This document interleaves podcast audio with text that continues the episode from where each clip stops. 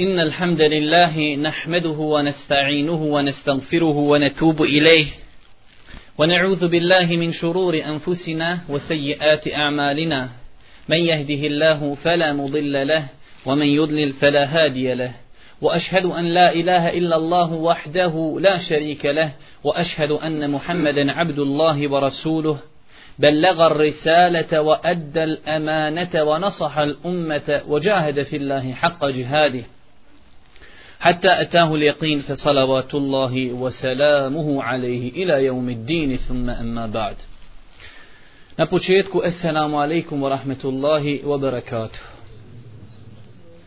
Kao što je najavljeno, večeras ćemo uz Allahovu subhanehu wa ta'ala pomoć progovoriti nekoliko riječi na temu duhovni poraz muslimana. Prije nego što počnemo govoriti o ovoj tematici, Volio bih da spomenem nekoliko stvari. Prva ti stvari, večeras ako Bog da nemamo dva predavanja, imamo jedno predavanje, pa ako 5-6 minuta odužim ovo prvo predavanje, volio bih ovaj da se nađe to razumijevanje inšala kod vas. Druga stvar, vi ste vjerovatno svi pratili dešavanja zadnjih dana i svima nama je poznato da je takozvani Međunarodni sud za pravdu prije nekoliko dana u optužbi koju je Bosna i Hercegovina podnijela protiv Srbije i Crne Gore presudili presudom koju vi znate da Srbija nije učestvovala u genocidu nad Bošnjacima u Bosni i Hercegovini. Ova presuda zasigurno za svakog čovjeka muslimana koji se sprema za sudnji dan nosi mnoge pouke i poruke. Ja ću spomenuti neke a zadnju kada spomenemo, nju ćemo povezati sa ovim današnjim predavanjem. Pa, na primjer, od tih pouka i poruka koji bi čovjek musliman trebao da svati, jeste da kršćanska Evropa ne želi jaku i moćnu državu u Evropi niti na Balkanu. U smislu, kojem smislu jaku, da je većinsko stanovništvo te države muslimansko. Također, od pouka i poruka koje se mogu uzeti iz ove presude jeste da je u ovoj presudi velika poruka onima koji su dojučer ubijali da to mogu pokušati ponovo jer kako god nisu sada osuđeni neće biti osuđeni ni drugi put. To su neprijatelji Islama zasigurno shvatili i to potvrđuje da je nakon presude sutra dan osvanula slika Ratka Mladića u Novom pazaru što je nedvosmisleno nosilo sa sobom poruku muslimani Novog pazara može vam se lahko desiti ono što se desilo muslimanima u Bosni i Hercegovini. Također, od pouka i poruka koje bi čovjek trebao da uzme iz ovog velikog događaja historijskog, jeste da organizacije koje su organizovane ili imaju za cilj pod navodnim znacima očuvanje mira, zaštitu ljudskih prava kao što je Evropska unija i ostale te organizacije, da djeluju samo iza tog plašta kako bi nanijeli što veću štetu muslimanima i islamu. Na taj način oni bacaju prašinu muslimanima u oči, naročito oni muslimanima koji ne poznaju propise Allahove subhanahu wa ta'ala vjeri i koji bez imalo rezerve uzimaju sve informacije kojim se plasiraju putem medija. Također od poruka koje bi muslimani trebali da uzmu iz ove presude jeste da muslimani nigdje na svijetu nemaju drugog zaštitnika osim Allaha subhanahu wa ta'ala. Ako svojim ponašanjem zasluži njegovu zaštitu. Ako zasluži svojim ponašanjem njegovu zaštitu, nema te sili na svijetu koja će im moći nanijeti zlo. A ako i on, subhanahu wa ta'ala, prepusti drugima, Iako se oni osloni na Evropsku uniju, međunarodnu zajednicu, NATO i ostali, desit će im se, desit će im se ono što je se desilo u prijehodnom ratu. Također od pouka i poruka koje nosi ova presuda, odnosno od ciljeva te presude, jeste duhovno uništenje muslimansko-bošnjačkog naroda u Bosni i Hercegovini. To je ono zbog čega mi želimo povezati tu presudu sa današnjim predavanjem i zato govorimo na ovu temu. Jedan od ciljeva te presude jeste duhovno psihičko uništenje bošnjačko-muslimanskog naroda u Bosni i Hercegovini. Jer pogledajte, braćo moja draga, kako ti ljudi na oči cijelog svijeta, kako se nisu stidili, pored tako jasnih dokaza da izreknu tu sramnu presudu. I to je, braćo moja draga, samo jedan vid duhovno-psihičkog uništenja muslimana. I pokozna koji put, to je poruka muslimanima, muslimani, vaša krv je veoma jeftina i uopšte nije cijenjena. Jer pogledajte, braćo moja draga, kakve oni kontradiktornosti pravi. U velikom broju država Evrope zabranjeno je zaklati hajvanče. Zato što oni smatraju da je to vid mučinja. A nije zabranjeno, niti se smatra genocidom, da zakolješ muslimana, bošnjaka. Da ga ubiješ, da siluješ bošnjakinju, da ih zapališ u kući, to se ne smatra genocidom. Ali se smatra kršenjem ljudskih prava ako zakolješ ovcu. Time su oni nama kazali da bošnjačka krv je jeftinija od krvi bilo kojeg hajvančeta. I to je jedna velika pouka koju bi čovjek musliman koji se priprema za sudnji dan trebao da ima na umu. Ako pogledamo, braću moja draga, u stanje muslimana općenito, pa onda pogledamo u stanje muslimana u Bosni, vidjet ćemo zasigurno da su doživjeli jedan veliki duhovni krah. Da muslimani su doživjeli tako jedno stanje koje je mnogo gori od stanja kada čovjek doživi neke fizičke ili vojne poraze. Jer pogledajte, braću moja draga, ako čovjeka, da kažemo, pobjediš fizički ili vojno, tom čovjeku to može biti podstrijek da se priprema za ponovni okršaj. Ali ako čovjeka uništiš duhovno, i psihički, znaj da taj čovjek postaje kao pas lutalica. Dovoljno je da se sagneš samo kao da uzmeš kamen, a on će pobjeći od tebe. Tako i muslimani žive u tako jednom stanju kao pas lutalica. Dovoljno je samo da, kažeš, mi ćemo zagalamiti na vas i muslimani kao pas lutalica podviju rep i odlazi od tebe. Zato ćemo mi, braćo moja draga, večeras govoriti o ovoj temi, duhovni poraz muslimana, tema koja je veoma bitna. I duhovni poraz je zasigurno, zasigurno mnogo teži od fizičkog i vojnog poraza. Krenut ćemo nekim hronološkim redom. Pa ćemo, ako Bog da, na prvom početku govoriti o simptomima ove opasne bolesti, koja je proširena u cijelom ummetu, a zasigurno je proširena i na našim prostorima. Znači prva stvar govorit ćemo o simptomima. Nakon toga govorit ćemo o faktorima koji su bili razlogom tih simptoma. I na kraju uz Allahovu subhanu wa ta'ala pomoć ćemo progovoriti nekoliko riječi kao nasihati kako možemo da popravimo to jadno stanje u kojem se sada nalazimo. Kada pogledamo u stanje muslimana opet se vraćamo tome i vidjet ćemo da je njihovo stanje duhovno i psihičko veoma loše. Vidjet ćemo da se na mnogo mjesta ratuje. Vidjet ćemo da se na dosta mjesta muslimani ubijaju. Vidjet ćemo da je u zadnjih nekoliko godina pokrenuto više ili otvoreno više žarišta gdje se ubijaju muslimani. To se s ciljem da se ugasi buđenje muslimana koje je zasigurno, hvala uzvišenom Allahu svakim danom, sve primjetnije i sve veće i na svim dijelovima zemaljske kugle se primjećuje. Takav vid obhođenja prema muslimanima zasigurno je uzrokovao ovim o čemu mi govorimo, a to je da velik broj muslimana boluje od te bolesti, a to je duhovni ili psihički poraz. Kada pogledamo u historiju, vidjet ćemo da su muslimani zasigurno, gledajući svojnog aspekta ili bilo kojeg drugog aspekta, prolazili kroz mnoga, kroz mnoga teška vremena i kroz mnoge teške faze. Ali, bar ja što sam čitao, nisam vidio nikada da su muslimani doživjeli teži duhovni poraz od ovog poraza u kojem sada živi. Muslimani su tako na jednom nivou da su dali sebi za pravo da sve što ne velja i što ne koristi kod nevjernika, prihvataju obje ručke.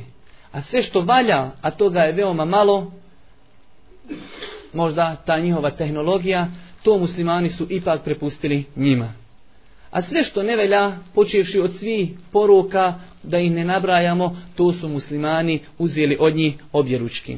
Pa da počnemo sa Allahom subhanahu wa ta'ala dozvolom da govorimo o simptomima ove bolesti. Zašto, braću moja draga, da govorimo o simptomima ove bolesti? Zato da svako od nas prispita sebe, da li pri sebi ima tih simptoma?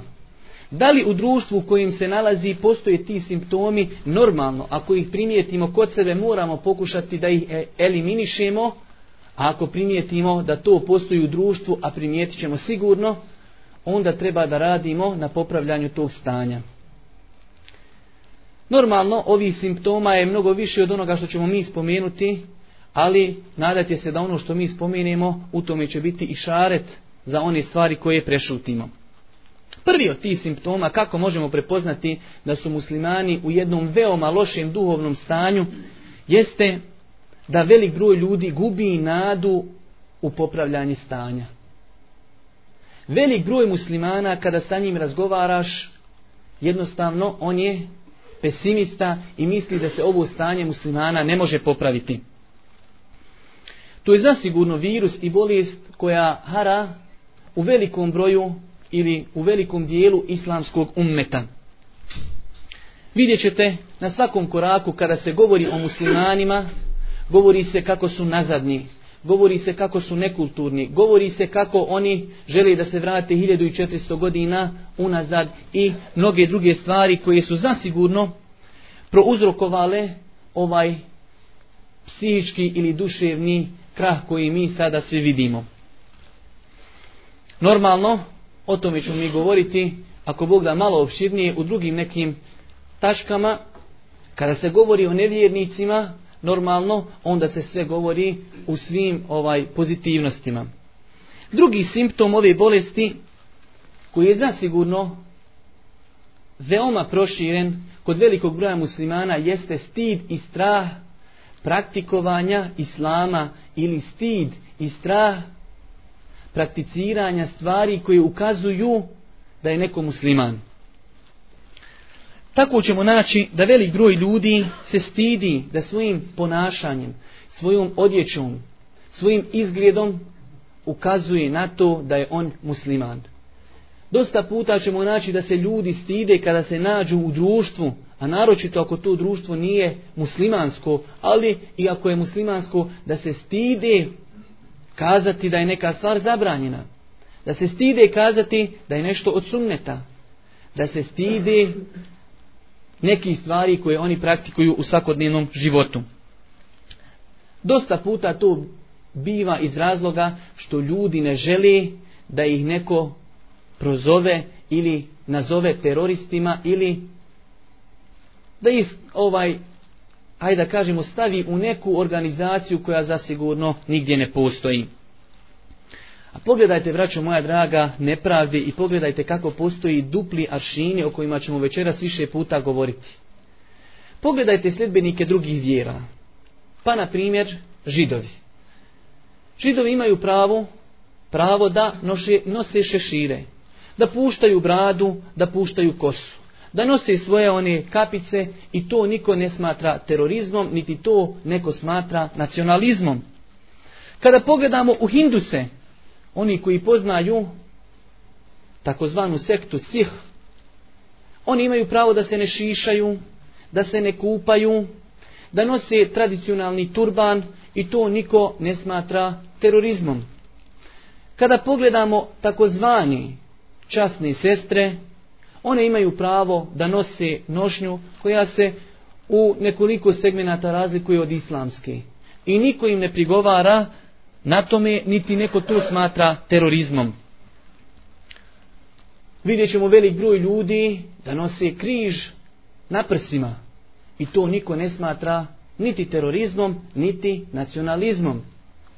A čovjek musliman, ako bi slučajno skratio svoju odjeću, ako bi slučajno pustio bradu, ako bi se slučajno njegova supruga pokrila, ako bi slučajno obukao bijelu kapicu, taj čovjek je automatski terorista, a ako nije terorista, onda je u najmanju ruku vehabija. Također kada pogledamo u više vrhove, vidjet ćemo da lideri, vođe drugih naroda uopšte se ne stide da odu na misu. I to se uopšte ne smatra nekim krupnim dijelom, dok naši lideri se boje otići u džamiju na džumu kako ih neko ne bi povezao sa Al-Qaidom ili bijelom Al-Qaidom u Bosni ili nešto slično tomi. Pogledajte te duple aršine, znači kako je nekome dozvoljeno da praktikuje svoju vjeru, a nekome nije. Ti dupli aršini su postojali u ovoj presudi za Bosnu i kada je se sudilo židovima u holokaustu.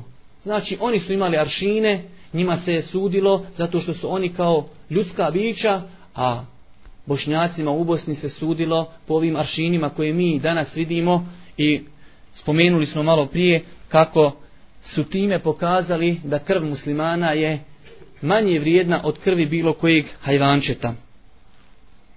Naši lideri normalno, kada govorimo o našim liderima, oni smognu snage pred izbore da dođu na džumu, jer tada su im glasovi i te kako potrebna ostanu na stolici, pa tada nekako smognu snage, dođu na tu džumu i onda četiri godine nakon što sjednu u stolicu nećeš ga više vidjeti u džami.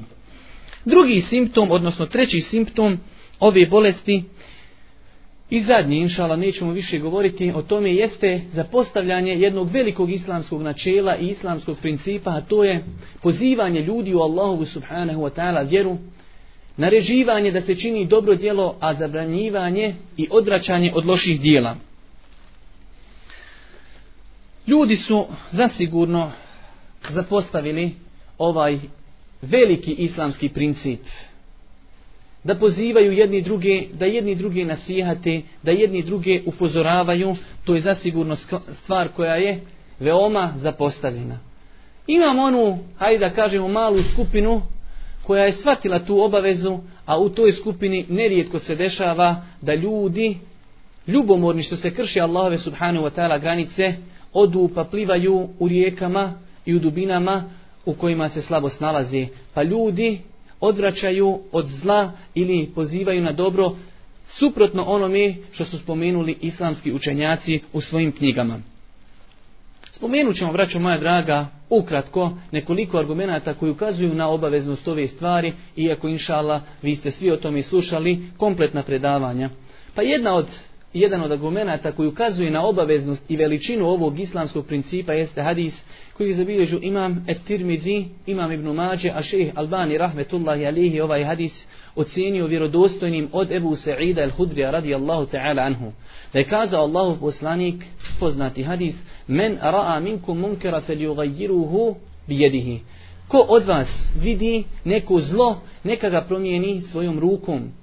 Pa nastavlja Boži poslanik sallallahu alaihi wasallam pa kaže, a ako ne može, neka to onda promijeni svojim jezikom, a ako ne može, neka to promijeni, odnosno nek to prezirje svojim srcem, a to je zasigurno najslabiji vid imana. Također hadis koji je zabilježio imam muslim, zabilježio ga imam etirmiti sa vjerodostojnim lancem prenosilaca od Hudejfe radijallahu ta'alanu da je Boži poslanik kazao Tako mi onog u čijoj ruci je moja duša, ili ćete vi naređivati da se čini dobro i odvraćati od zla, ili će Allah dželle dželaluhu poslati na vas kaznu, pa ćete ga dovit i dozivat, ali vam se neće odazvati. Također poznate riječi, u Kur'anu Allaha subhanahu wa ta'ala gdje kaže Lu'ina alladhina kafaru min bani Israila ala lisani Davuda wa Isa ibn Zalike bima ذلك بما عصوا وكانوا يعتدون كانوا لا an عن fa'aluh, la bi isema kanu jef'alun. Kaže Allah subhanahu wa ta'ala jezikom Davuda i Isa sina Merjemina proklijeti su oni od sinova Israilovi koji nisu vjerovali. i koji su granice prelazili. Jedni i druge nisu odvraćali od loših postupaka, zaista je ružno ono kako su postupali. Jedni drugi nisu odvraćali od ružnih postupaka, pa Allah subhanahu wa ta'ala e, završa ovaj ajet pa kaže zaista je ružno to kako su oni postupali. Pogledajte, braćo moja draga, primjera radi jehovni svjedoci. Kako jehovni svjedoci hodaju, kako obilaze muslimane, odlaze od vrata do vrata, pozivaju ljude u dalalet i nije im teško niti se umaraju. A mi, nosioci jedine ispravne akide, jedine ispravne i prihvaćene kod Allaha subhanahu wa ta'ala, ne ulažemo da kažemo ni 10% koliko oni ulažu u širenju njihove zablude i balaleta. Koliko smo samo zapostavili ovaj veliki islamski princip. Primjera radi, je li teško, braću moja draga, da svako od nas, kada krene kući iz centra, ponese 10 letaka i podijeli svom komšiluku. Podijeli svojoj familiji. Podijeli svojoj rodbini. Hvala Bogu, toga ima, ali nema oni koji će to podijeliti. A čovjek bi trebao da bude prepoznatljiv u narodu po tim stvarima. Da je on taj koji ljude poziva, da je on taj koji ukazuje na loše stvari, da je on taj koji ljudima dijeli letak, donosi kasetu, donosi knjigu. Ali nažalost mi kao da smo posustali. I zaista za postavljanje ove stvari nosi sa sobom mnoge negativne posljedice kako za društvo, tako i za pojedinca. Ovo su neki od simptoma, mnogo bi se riječi moglo kazati na ovu temu, ali zbog skučenosti s vremenom priječit ćemo da govorimo o drugoj stvari, a to je faktori koji su prouzrokovali duhovnu slabost kod muslimana, odnosno faktori koji su prouzrokovali ove simptome. Pa kažemo, braćo moja draga, da postoji mnogo tih faktora i njih ćemo spomenuti samo neki. Jedan od najbitnijih faktora koji je bio razlogom ove duhovne slabosti i duhovnog poraza muslimana jeste njihov iman, odnosno njihov slab iman, slabost njihovog imana. Opće poznato je, braćo moja draga, slabost imana biva razlogom da čovjek čini grijehe. Slabost imana biva razlogom da čovjek ne bude pokoran Allahu subhanehu wa ta'ala, a suprotno tome, jačina imana biva razlogom da čovjek bude pokoran Allahu subhanehu wa ta'ala i jačina imana biva razlogom da čovjek čini ibadete.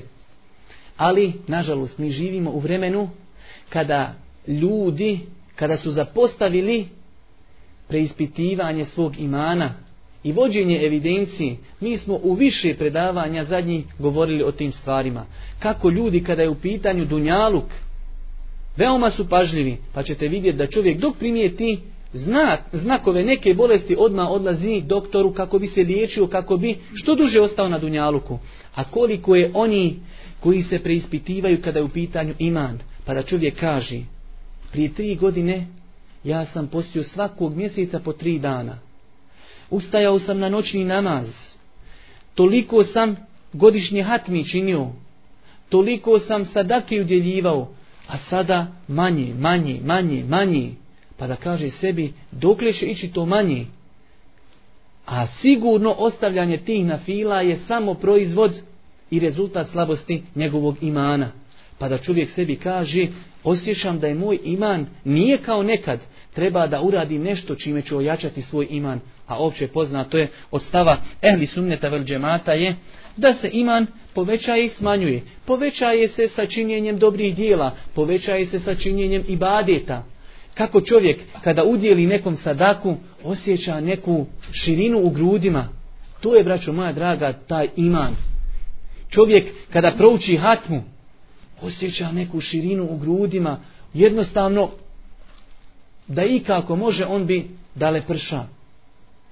Kada čovjek pomogne bratu muslimanu, nazove ga nešto u ponoći, možeš li, mogu, pa dođe, pa dođe kući poslije, osjeća neku širinu u grudima, neko zadovoljstvo. To je, braću moja draga, taj iman koji se tako regenerira rađenjem dobrih dijela. S druge strane, kada čovjek često voda ulicom, pa danas vidi jednu razgoličenu, pa sutra, pa preko sutra, pa danas zapostaviš ovaj ibadet, pa danas ovoga ogovoriš, pa malo kamate, pa malo ovoga, osjetiš kako iman svakim danom, svakim danom sve slabi i slabi. Čovjeku je sve teže da daje otpor protjevim, protjevima duše kada ga poziva na zlo. Sve mu teži. U početku neko ti ponudi neuzubillah alkohol. Ništa, jednostavno. Pa to ne doliči muslimanu. A poslije ti neko nešto nudja ti pa možda je korist, pa možda nije korist, pa lijevo, pa desno, pa eto malo, pa pred narodom, pa gore dole, slabost imana. Nemaš ja čini da mu odrežiš, neću, završena priča, ja sam musliman. To je, braćo moja draga, ta jačina i slabost imana. Pogledajte samo u ashabe, la ilaha illallah, šta je jačina imana uradila od njih. Nakon što su bili čobani, nakon što su bili beduini, kada su svoja srca napojili imanom, kada se iman žestoko ureza u njihova srca, postali su vodiči svijeta. Toliko je primjera tako mi Allaha da bi nam trebale desetine predavanja da spominjemo ta herojstva junaštva. Ljudi odlaze kod, kod Kisre, odlaze kod najveći ljudi tog vremena, ljudi iz masi odlaze da čovjek bude zadivljen, kaže jesi li ti njihov vođan? Čovjek iz mase pošalju jednog od asaba i kaže idi razgovaraj ti, pregovaraj sa njima. On tako čvrsto razgovara, kaže jesi li ti njihov vođa? I kaže ja jedan iz mase došao samo da pregovaram s vama. Kaže čudno, stvarno ste vi čudan narod. Braćo moja draga, šta je uradio od njih iman? Pogledajte primjere Ebu Bekra, Omera, Bera ibn Aziba, Talhi, Abdurrahmana, toliko primjera da čovjek ne može da vjeruje tako mi Allaha, tako mi Allaha da to nisu hadisi, čovjek bi rekao to su bajke. Ništa drugo, oni su tjelesno bili mršavi od nas. Vera ibn Azib stavili, stavili ga u oklop i bacili ga u hadiku smrti. Nije, braćo moja draga, pojenta u tijelu, pojenta je u srcu i imanu. Pojenta je u srcu i imanu. Pogledajte samo jedan primjer, pošto je mnogo primjera, iz priješnjih generacija jedan primjer šta znači čistoća imana u srcu insana. Jednom bedeviji dolaze sad, u skorije vrijeme, čovjeku koji živi na selu. Ali taj čovjek je napio se bistre vode islama. Kažu mu, doće neprijatelji pa će nas granatirati iz aviona. Čovjek neobrazovan, ne znam šta je avion. Kaže on, a šta je avion? sad oni da mu pojasni, to je, kaže, nešto, ko neka željezna ptica leta po nebesima i ozgor baca eksploziv, pobiće na sve žive. Gledajte razmišljanja mu'minskog. Kaže, jesu li oni iznad gospodara ili gospodar iznad njih? Pa kaže, gospodar iznad njih. A ljudi, kaže, ne bojte se onda. Nema teorije, veli, mi smo pobjednici. Pitanje razumnog, ko iznad koga? Kaže pa gospodar iznad njih, pa završena priča, ljudi, nema više nikakve komparacije. Naš će gospodar pomoći. Jednostavno čovjek koji je čuvao cijeli život ovce, ali on ima čisto srce. Napravite komparaciju između tog srca i srca insana koji svakodnevno čita horoskop. Insana koji se deklariše kao musliman, ti mu kažeš, džehennem, džennet, kaže, koji se od tuda vratio? Filozofija živa. Filozofija živa. Koji se kaže otuda vratio? Malo nešto zapne, idi kod sihribaza, nek ti on što god napiše, popi, baci na raskršću, okupaj se i završena priča. Vidite razlike čistine imana i kakve rezultate polučuje čistina imana, a pogledajte ovog vama insana, on čita horoskop, pa jadni tamo svaki hefti drugčije. Te danas te sreća, te danas nije, očekujte ovo, očekujte ono. Nema jadnih pojma, kuće on živ. Danas mu obećaju dobro, sutra nevelja, čuvaj se ozgo, čuvaj se ozgo. Ajde ovog čovjeka bedevija, čovjek će uvo ovce cijeli život, ali jasno mu kristalizirano sve. Nema, kaže, mi ćemo pobijeti ljudi. To je, braću moja draga, to što smo govorili o tome. Pogledajte muslimana, kao što sam malo prije spomenuo, oni zasigurno ne mogu se porediti, odnosno najbolje čime se mogu porediti jeste pas lutalica. Ako želiš da ga zastrašiš, dovoljno je samo da se sagneš i pas lutalica će pobjeći. Tako su muslimani današnjici. Boje se takozvani velikih sila više nego što se boje Allaha subhanehu wa ta'ala. Boje se onih Allahovi stvorenja koja su neprestano svake sekunde pod kontrolom uzvišenog Allaha. Boje se ti stvorenja više nego što se boje Allaha subhanahu wa ta'ala. A vojske uzvišenog Allaha ne zna niko osim on subhanahu wa ta'ala pa kaže u Kur'anu Ma ja'lemu wa ma ja'lemu džunude rabbike illa hu a vojske gospodara tvoga samo on poznaje. To je onaj gospodar koji kada hoće da bude nešto samo kaže budi i ono bude. Taj uzvišeni gospodar da hoće bez imalo poteškoće samo da kaže budi i ono bude sve vele sile u jednoj sekundi će biti uništene. I na taj način da pomogne muslimane iz onoga što im se dešava. Ali se postavlja pitanje jesu li muslimani ispunili uvjete da Allah Želešanu kaže kun fe je kun budi i ono budi. Da li su muslimani ispunili te uvjete? Suprotno tomi, muslimani su ispunili sve uvjete da ih Allah kazni kao što je kažnjavao prijašnje narode. Kada pogledate u muslimane, ne govorimo o nevjernicima, već o muslimanima, kod muslimana ćete naći sve i jedan grijeh koji je zabranjen našom vjerom. Počivši od mali pa naniži. Kamata, čim počinjujocu Allah Đelle Đelaluhu iznad sedam nebesa objavljuje rat. Prostitucija, mito, korupcija, alkohol, laž, krađa, ubijstvo i možete nabrajati da imaš 20 prstiju na jednoj ruci opet biti zafalilo. Sve moguće grijehe činimo i želimo Allahovu pomoć. Što nam se dešava ovo u Iraku, a što nam se dešava ono u Palestini? treba da počnemo od sebe pa da vidimo šta smo mi uradili na našem planu. Drugi faktor koji je prouzrokovao ovu slabost muslimana, koju vidimo na svakom koraku, jeste, braćo moja draga, da su muslimani u jednom velikom gafletu i da nisu svjesni potencijala i resursa kojim oni raspolažu. Ili možemo kazati prije toga, da ljudi su doživjeli ovaj ovo stanje koje, vi, koje mi sada vidimo zato što velik broj muslimana nije svjestan prirode puta koji vodi Allahu subhanahu wa ta'ala i njegovoj vječnoj nagradi džennetu. Čovjek musliman koji želi da se pridržaje za Allahovu subhanahu wa ta'ala vjeru i načela ove vjeri mora da zna da će na tom putu biti iskušan.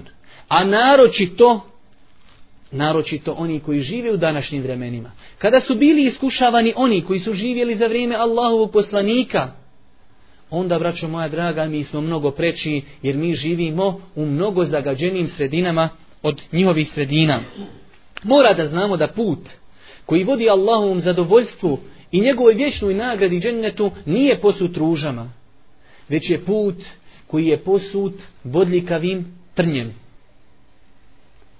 Zato čovjek ne smije da padne na prvom ispitu. Počne se pridržava za vjeru i onda Allah Đelešanu šalji iskušenje da vidi njegovu iskrenost.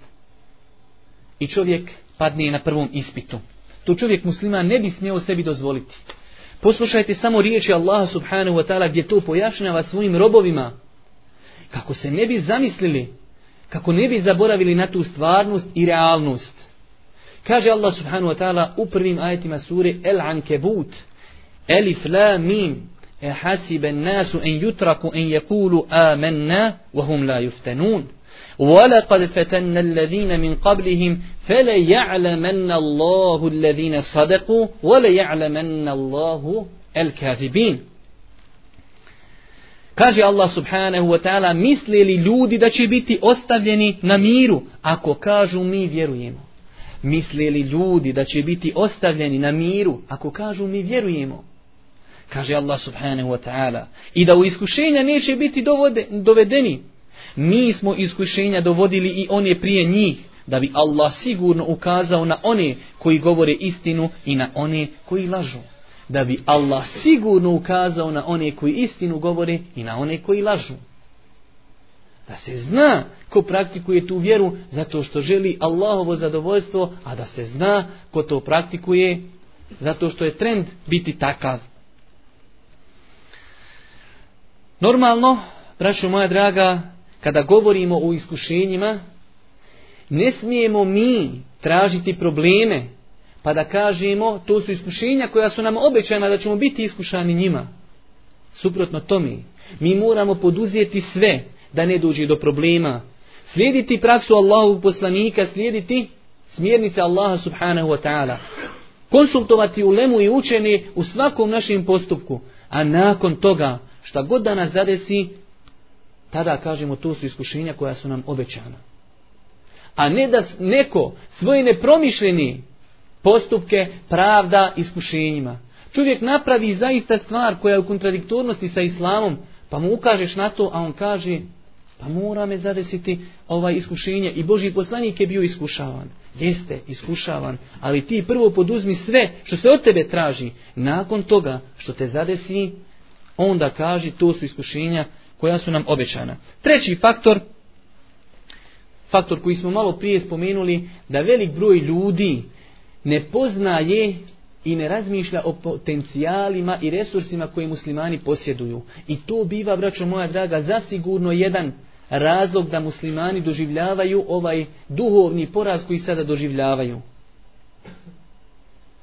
Kazao sam na početku, kada se govori o muslimanima, o njima se govori sve najlošije. Muslimani imaju za, zaista dosta loših stvari na koje treba ukazati, ali nije sve crno. A kada govori se o neprijateljima, Allahove vjere, u njih sve cvate, u njih je sve savršeno. Oni nemaju uopšte nešto što bi im se moglo prigovoriti. To je ono o čemu želim da govorim. A pogledajte samo koliko muslimani posjeduju stvari na koje im ostali narodi i nacije zavide. Počeši od ljudstva, od školovanih kadrova, vjerujte da muslimani imaju mnogo školovanog kadra. To vam mogu najbolje posvjedočiti neprijatelji Islama zato što velik broj muslimana radi kod njih one poslove koji i oni nisu sposobni ponekad da obavljaju. Muslimani imaju resurse prirodne koji im je, koji im je Allah subhanahu wa ta'ala dao i počastio i da to nemaju drugi narodi. I ovisni su o muslimanima. Također muslimani kada gledate geografski zauzimaju zasigurno najbolju poziciju koja se može zauzeti gledajući na svjetskom planu. Primjera radi samo Suetski kanal kontrolišu muslimani. A ko imalo poznaje geografiju, zna kolika je bitnost tog kanala za cijeli svijet, ne za muslimane, već za cijeli svijet. Zato kažem da je jedan od razloga ovog psijičkog i duševnog pada muslimana što muslimani ne znaju potencijale i resurse kojim oni raspolažu. Pogledajte samo kako nevjernici kada upisuju svoju tehniku i tehnologiju koja je zasigurno dostigla nešto mnogo. Čovjek ne smije biti nerealan. Znači da čovjek sada ne gira da su oni dostigli. Jesu dostigli, sigurno, ali nisu toliko koliko to oni prezentuju. Primjera radi samo nakon naumpalo mi kada sam pisao ovo predavanje, kada je NATO bombardovao Srbiju, pa su oni bombardovali sa nekim takozvanim nevidljivim avionima. Srbi oborili jedan i na olupinu napišu, kaže, izvini, nismo znali da si nevidljiv. Nevidljivi avioni. Ali oni su nevidljivi.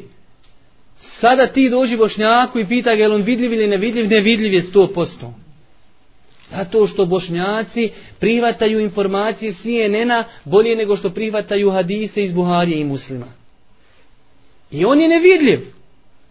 I onda Srbi kažu, izvini, nismo znali da si nevidljiv. Također, kada pogledate, vidjet ćete da toliko oni uzdig, uzdižu ta svoja dostignuća, koja mi potvrđujemo da jesu dostignuća, pa ćete vidjeti muslimane pojedini tako mi Allaha da ta dostignuća opisuju svojstvima koja ne doliči nikom osim Allahu subhanahu wa ta'ala. Šuti, kaže, od njih se ne možeš sakriti u višju rupu. Sve čuju se vidi sateliti svežim. Jednostavan primjer čovjeka koji se borio u Čečini, muđahid, insan, toliko godina su ga pratili da ga ufate, da ga ubiju, pa su ga na kraju ubili na način koji svima vama poznat, na najkukavičliji način, način su ga ubili. Gdje su ti toliki sateliti da uprate tog tolikog problema? ne negiramo da postoji ta tehnologija i ona postoji, ali u toj mjeri koju oni prezentuju muslimanima, zasigurno ima tu malo ovaj pretjeranosti.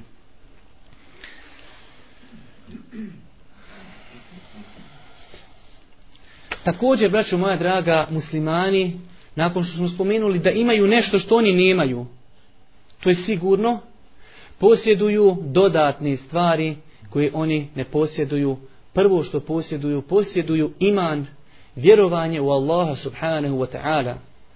Posjeduju pomagača koji kada stani na nečiju stranu, kada bi se cijela zemaljska kugla okupila da nekome nanese zlo, ne mogu mu nanijeti zlo. Posjeduju takvog pomagača Allaha subhanahu wa ta'ala.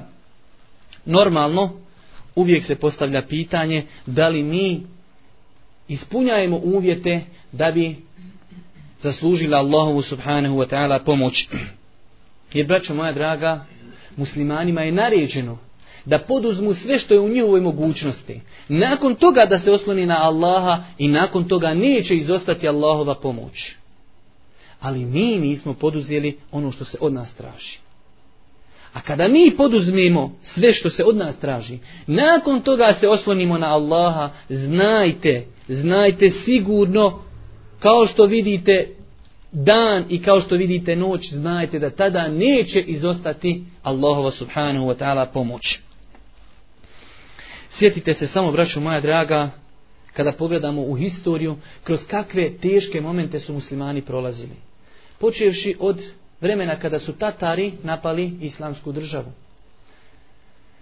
počevši od križarskih ratova počevši od događaja koji su zasigurno malo poznati koliko im bar meni poznato u bosanskoj literaturi događaj kada su sekta koja se zove El Keram je Tah pod vodstvom čovjeka koji se zvao Ebu Tahir El Kurmu Tih došli su u Meku godine kada se obavljao hađ pobili su skoro sve hađije koji su te godine došli na hađ i odnijeli su hađerul Esved i 21 godinu hađerul Esved nije bio u Kjavi To možete provjeriti u poznatom dijelu Ibnu Kesira, Bidaje van Nihaje, gdje govori opširnije o tim stvarima, kada je taj insan, Ebu Tahir, El Kurmutij, stao na vrata Kiabe, nakon što je pobacao hađije u bunar zemzema, kazao, gdje su sada ptice Eba Bil, koje je Allah Đelešanu poslao na vlasnika slona. Pogledajte kolika je tu drskost. Kaže, gdje su sada ptice Eba koje je Allah subhanahu wa ta'ala poslao na vlasnike slona. Ali Allah subhanahu wa ta'ala je taj koji je nakon što su muslimani ostavili namaz u Bejtul Maktisu u Jerusalemu 91 godinu nakon toga Allah subhanahu wa ta'ala je poslao Salahudina Ejubiju da očisti Bejtul Maktisu. Nakon što ga je očistio Omer radijallahu ta'ala anhu i nakon toga je došao i Salahuddin. Treba da znamo da taj uzvišeni gospodar koji je poslao Omera nakon toga Salahudina da je živ i vječan i da može sutra poslati nekoga da očisti ponovo kuc, ali kada to mi zaslužimo. Četvrti faktor, noću moja draga, Zasigurno veoma bitan faktor kada je u pitanju duhovni poraz muslimana jeste zapostavljanje izučavanja Allahovi subhanahu wa ta'ala vjeri. Zapostavljanje izučavanja Kur'ana, sunneta, zapostavljanje izučavanja knjiga historije. Jer davno je kazano i mene je tako učilo u školi i imali smo pod obavezu da napišemo na prvoj stranici sveske iz historije, istorija je učiteljica života. Čovjek mora da poznaje historiju. Prije toga treba da poznaje Kur'an i Sunnet. To je zasigurno, braćo moja draga, bolest, znači nepoznavanje propisa Allahovi subhanu wa ta'ala vjeri i nepoznavanje historije, to je bolest koja unosi pesimizam u redove ummeta. Pogledajte samo kako je jedno stanje muslimana, pa ćete naći danas da je najjači argument kada razgovaraš sa nekim insanom o vjeri da ti kaže ja sam tako naslijedio od svojih predaka. Takva je tradicija. Koda će te uzvišeni Allah pitati za tvoga dedu i šta si od njeg naslijedio? Pitaće te koliko si radio po onome što je objavljeno u Kur'anu i po onome što je prenio Boži poslanik sallallahu alaihi wasallame u vjerodostojnim hadisima. Na kraju, braćo moja draga, nećemo mi toliko ni prisvirat koliko, inšala sam ja mislio, u zadnji nekoliko desetak minuta spomenut ćemo neke stvari koje bi se mogle smatrati kao savjeti, nasihati ili lijek za ono što smo sve do sad spomenuli. Prva stvar, muslimani moraju biti svjesni da boluju od ove bolesti. Jer, braćo moja draga, nemoguće je liječiti čovjeka koji nije svjestan da je bolestan. Ali kada čovjek shvati da je bolestan, to je prvi preduvjet da se izliječi. Prvo muslimani moraju biti svjesni da su doživjeli duševni poraz i psihički poraz koji nisu nikada do sada doživjeli. Nakon toga, od savjeta i lijekova koji se preporučuju ovom napačenom, žalosnom i izmorenom ummetu jeste da se iskreno vrate na čelima Kur'ana, sunneta Božih poslanika sallallahu alihi wasallam. Naročito ovdje treba podvući pažnju da se podlači i da se posvećuje velika pažnja izučavanju ispravnog vjerovanja i akide. Jer velik broj ljudi će kazati pa zar trebamo izučavati akidu braćo moja draga, trebamo izučavati akidu na prvom mjestu. Postavit ću nekoliko pitanja, a odgovor mi nije potreban. Da li treba izučavati akidu osoba koja svakodnevno čita horoskop? Da li treba izučavati akidu osoba koja svakim, svakim danom vriježa Allaha subhanahu wa ta'ala? Da li treba izučavati akidu osoba koja psuje i vrijeđa Allahovog poslanika Muhammeda sallallahu alihi wasallame, pa makar se deklarisao kao musliman? Da li treba da izučava akidu osoba koja svakodnevno baca grah i gleda u filđan? Da li treba da izučava akidu osoba koja je puna sujevjerja kao šivica?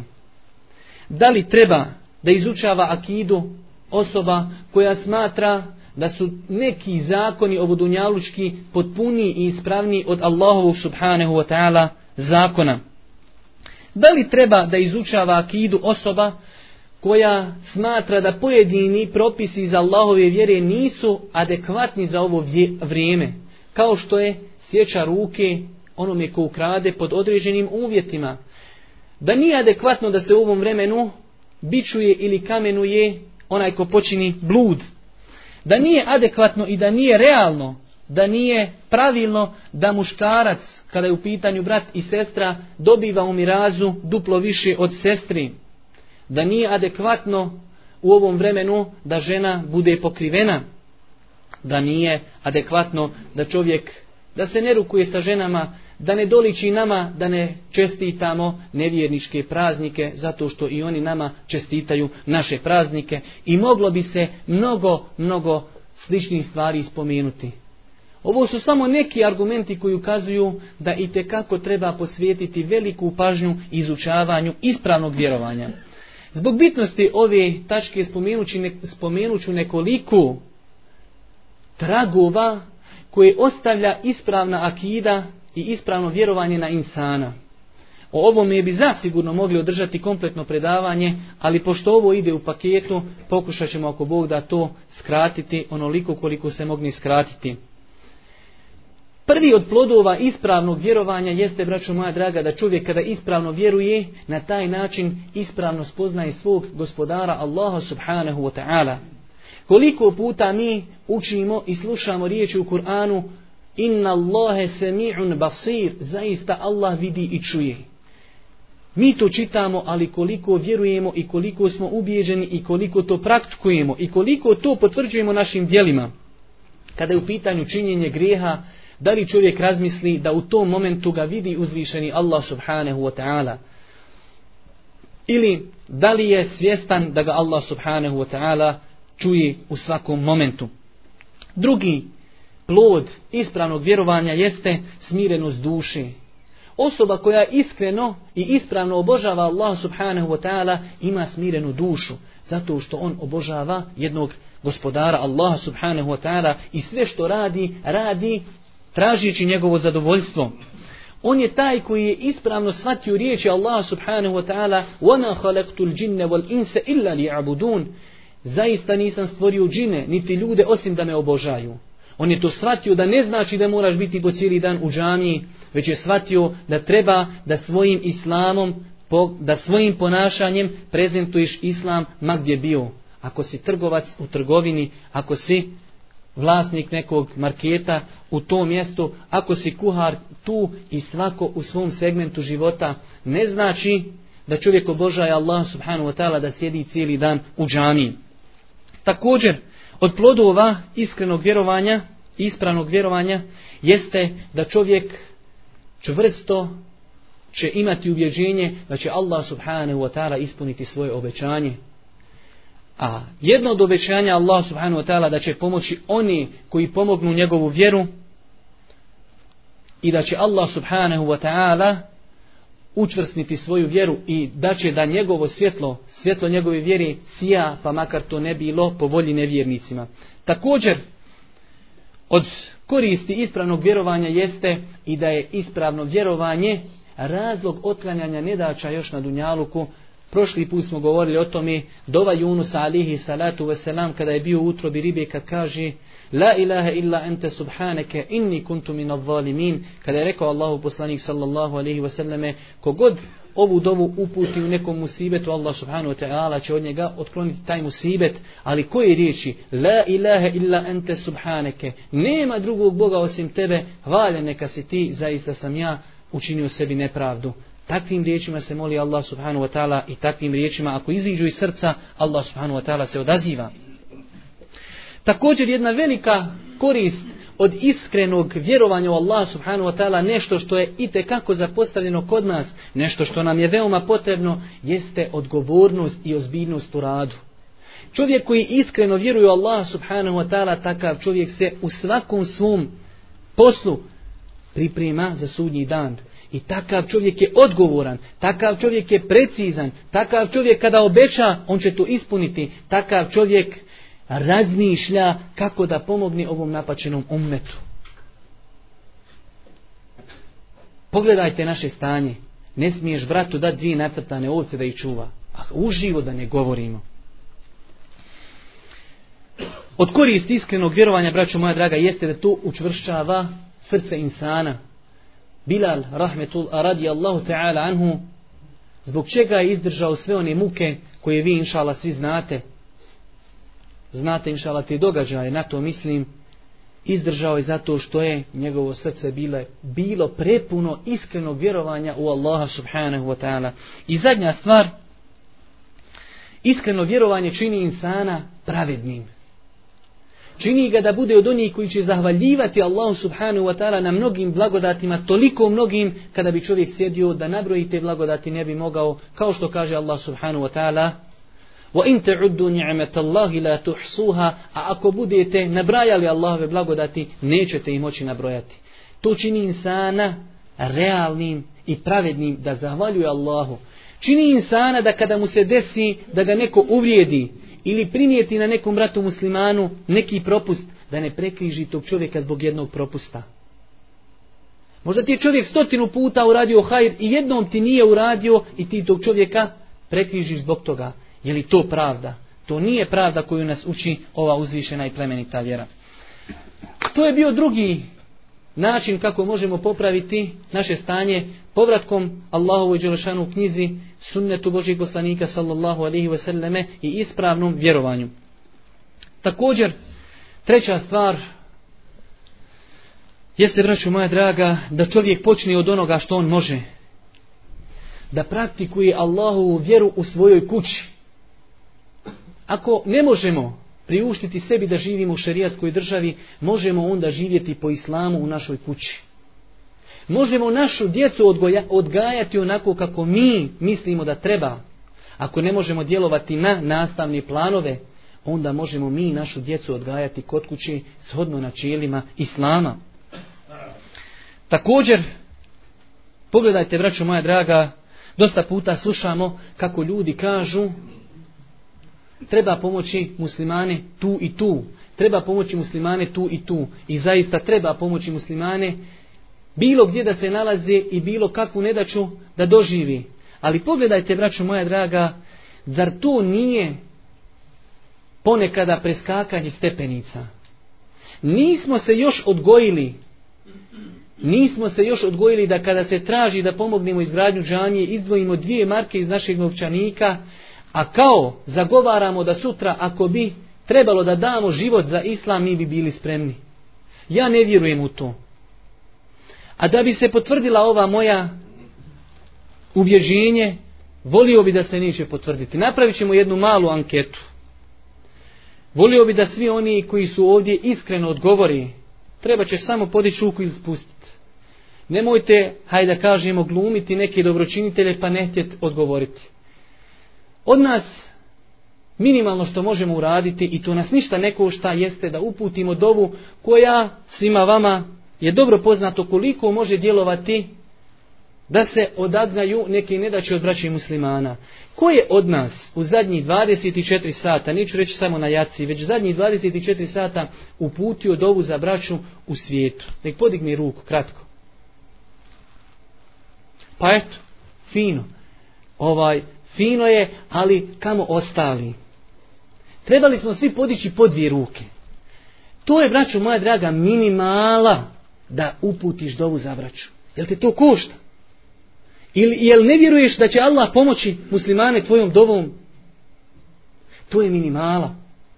Zato ja sam ubjeđen Ko ne razmišlja o braći muslimanima svakodnevno da upućuje na svakom namazu za njih dovu, kada sutra treba ni dati kap krvi za islam, nije će biti spreman, ne može me niko ubijediti.